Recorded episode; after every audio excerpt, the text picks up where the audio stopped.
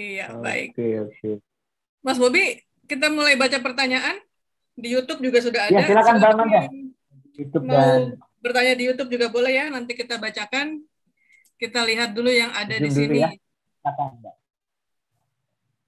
Wah, pertanyaan pertama serius banget ini. Dari Faisal Rahmi katanya.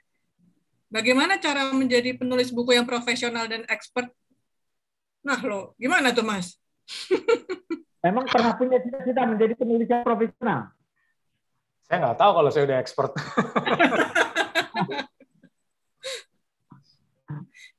Baru nulis 10 sih. Duh, baru nulis 10. Gimana coba kita? Baru loh. Baru lo 10 itu.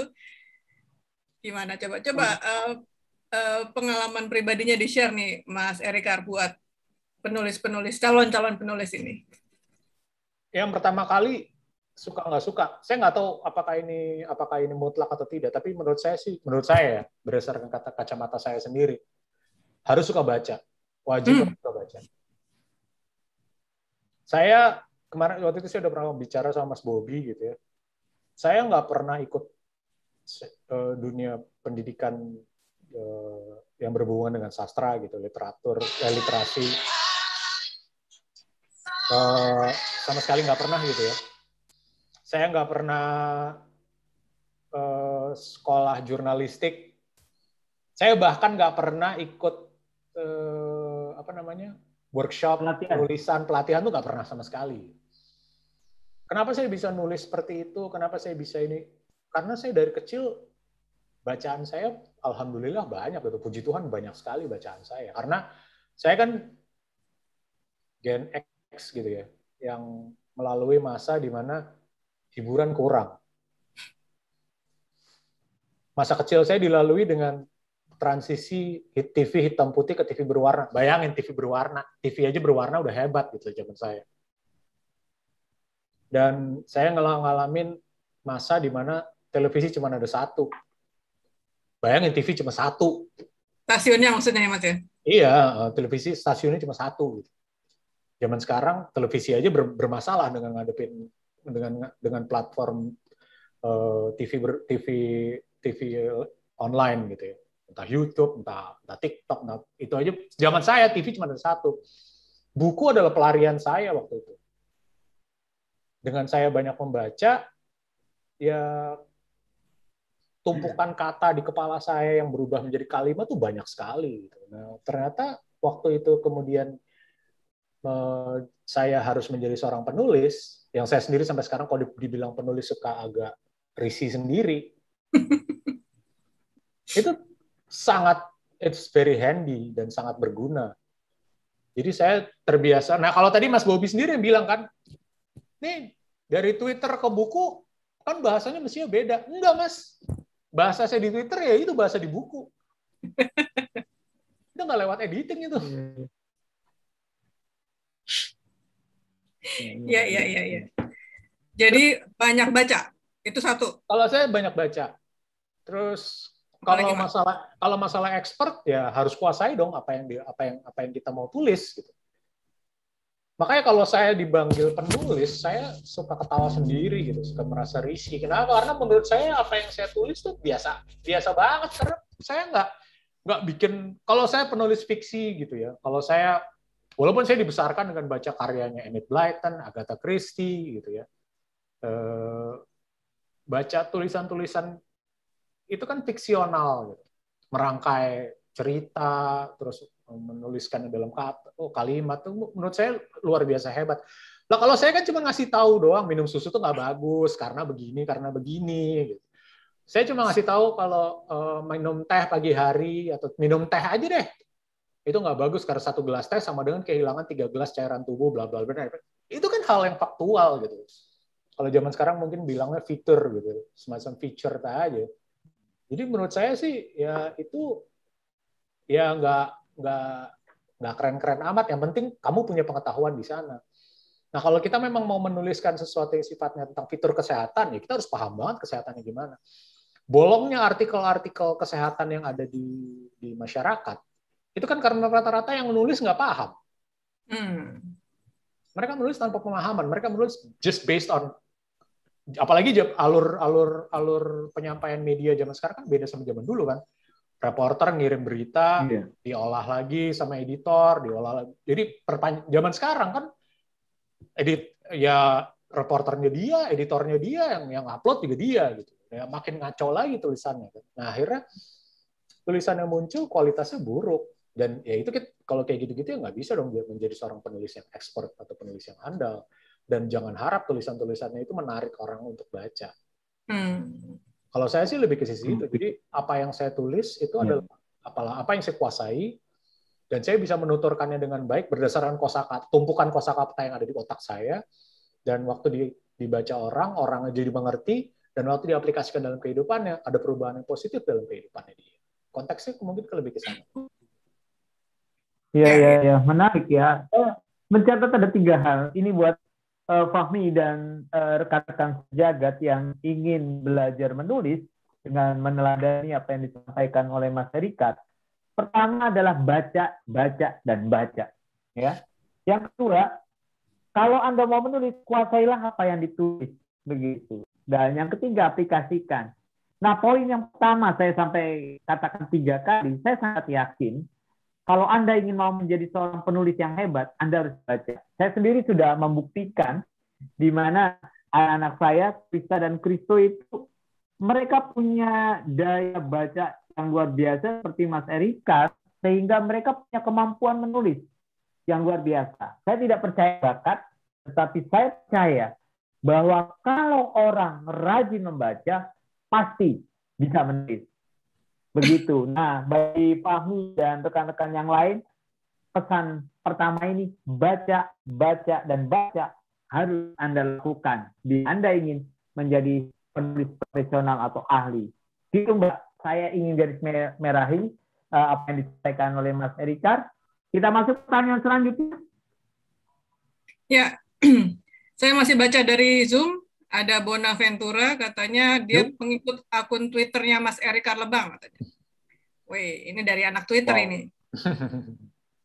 Apakah Mas Erikar mau menyadarkan masyarakat melalui buku-buku dengan lebih menjalankan pencegahan melalui gaya hidup sehat dibandingkan dengan pengobatan yang kadang tak mengobati sumber penyakit?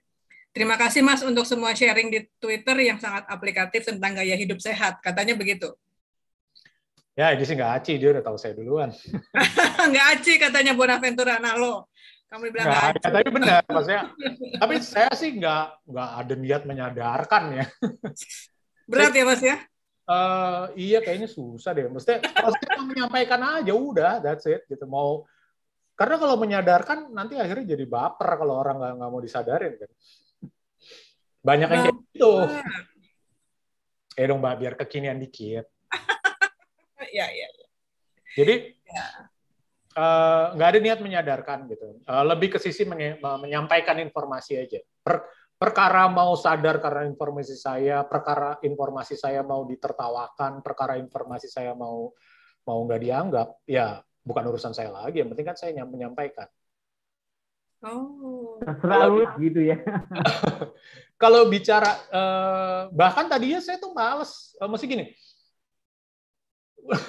dulu waktu ditawarin sama uh, sama udah enggak sih ya sekarang. Dulu sama orang PBK Mbak Mbak Mbak Tino waktu itu. Nawarin Mas ini tweetnya dibukuin mau nggak? Saya sebenarnya agak agak Hah? agak agak malas gitu. Twitter dibukuin. Sebelumnya sih udah ada udah udah ada followers yang ngomong gitu Mas Mas tweet-tweetnya dikumpulin dong jadiin buku. Zaman itu kan mungkin buku masih masih sebuah ini ya masih sebuah privilege saya ketawa aja siapa yang mau mau beli? Gitu. Siapa yang mau baca bukunya? Ya terus ya itu dari PBK Mbak Tino sini mas kita kumpulin. Hah buat apa? Gitu. Nah tadinya saya iya iya iya enggak gitu loh. Sampai kemudian terus ada teman saya yang yang yang yang juga jadi acuan uh, uh, apa ya teman-teman diskusi spiritual dia ngomong eh pengetahuan yang nggak di nggak disedekahin dia bilang itu bisa jadi lebih berat tuh hukumannya daripada harta yang nggak disedekahin waduh iya ya bener juga ya ya udah ancamannya menohok banget itu ya Ya saya, oh iya bisa jadi ya kayak gitu. Jangan-jangan bener. Ya udah, ya that's that's the reason kenapa. Tapi niatan untuk menyadarkan sih nggak ada. Lebih ke sisi. Kayak sekarang Mbak Amanda bilang tadi, waduh kebiasaan saya minum teh. Saya dari tadi ngomongin nggak, Mbak minum teh itu jelek, itu enggak. saya ya udah gitu, that's that's somebody's habit. Tapi kan saya udah udah nulis di di, di buku itu efeknya minum teh itu apa atau apa. Kalau misalnya suatu saat nanti saya sama Mbak Amanda sarapan pagi dia minum teh, muka saya berubah aja enggak, Mbak? Menarik, menarik ini. Nothing tulusnya kayaknya kelas tinggi nih, kelas dewa ini. nothing tulusnya. Iya, bukan nothing tulus. Emang nggak ada yang lulus. berbagi ya, Mas ya. Eh, konsepnya di Twitter itu awalnya berbagi ya.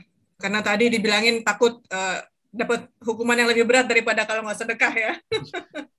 ya sebenarnya iya juga ya antara iya dan tidak sih maksudnya ya masa masa masa sama pencipta urusannya untung rugi gitu loh. Tapi bener juga gitu loh.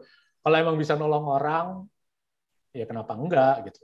Masa kita saya fokus sama orang yang nolak kan pasti ada yang terima. Nah, yang terima itu yang yang yang bisa mendapatkan berkah dari apa yang saya sampaikan. Jadi konsepnya lebih ke sisi itu. Jadi kalau menyadarkan sih kayaknya ketinggian buat orang ukur untuk orang seukuran saya doang mah wah jauh lah.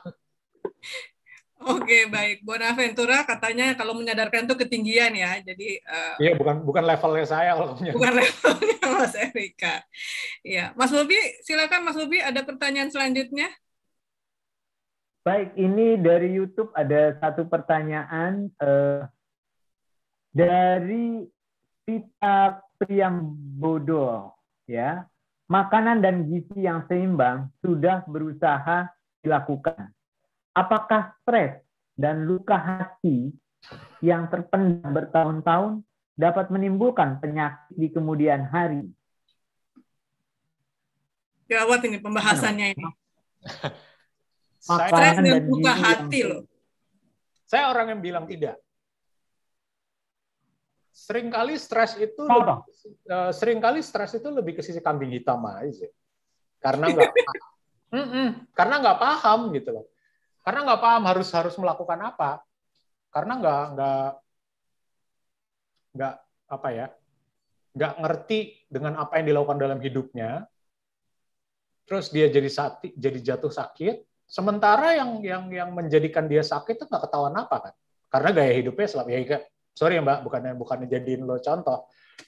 Eh bukannya bukannya gue berusaha menyadarkan lo tapi ini lebih ke sisi uh, buat contoh aja gitu. Jadi kayak orang tanpa sadar makan sarapan minum teh tiap pagi itu kan sebenarnya dia lagi bikin penyakit di tubuhnya kalau suatu saat nanti dia tekanan darah tinggi kalau suatu saat dia nanti bermasalah sama jantung kalau nanti dia bermasalah dengan uh, saluran darah ke otaknya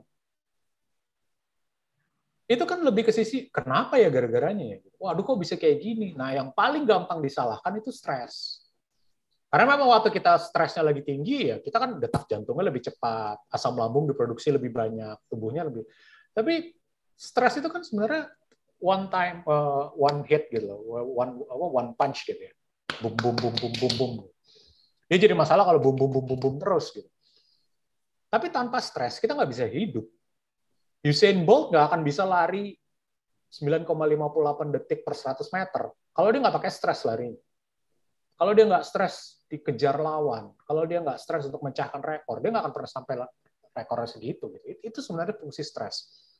Makanya kan reaksi tubuh manusia untuk untuk menghadapi stres itu istilahnya fight or flight. Hmm. Jadi di saat uh, hipotalamus, pituitary, kelenjar adrenal yang bekerja sebagai satu sebuah kesatuan yang menghasilkan energi lebih, fokus lebih. Itu kan sebenarnya fungsi dasar dari stres. Nah, stres yang yang disalahkan, kenapa sering disalahkan kayak gitu? Karena orang kadang-kadang nggak paham. Even dokternya sendiri nggak paham, nih orang sakit gara-gara apa gitu. Yang paling gampang disalahin stres. Nah, yang menarik adalah orang yang jaga pola makannya dengan baik, orang yang makan sesuai aturan, orang yang makan sesuai hitahnya sebagai manusia, itu nggak gampang stres.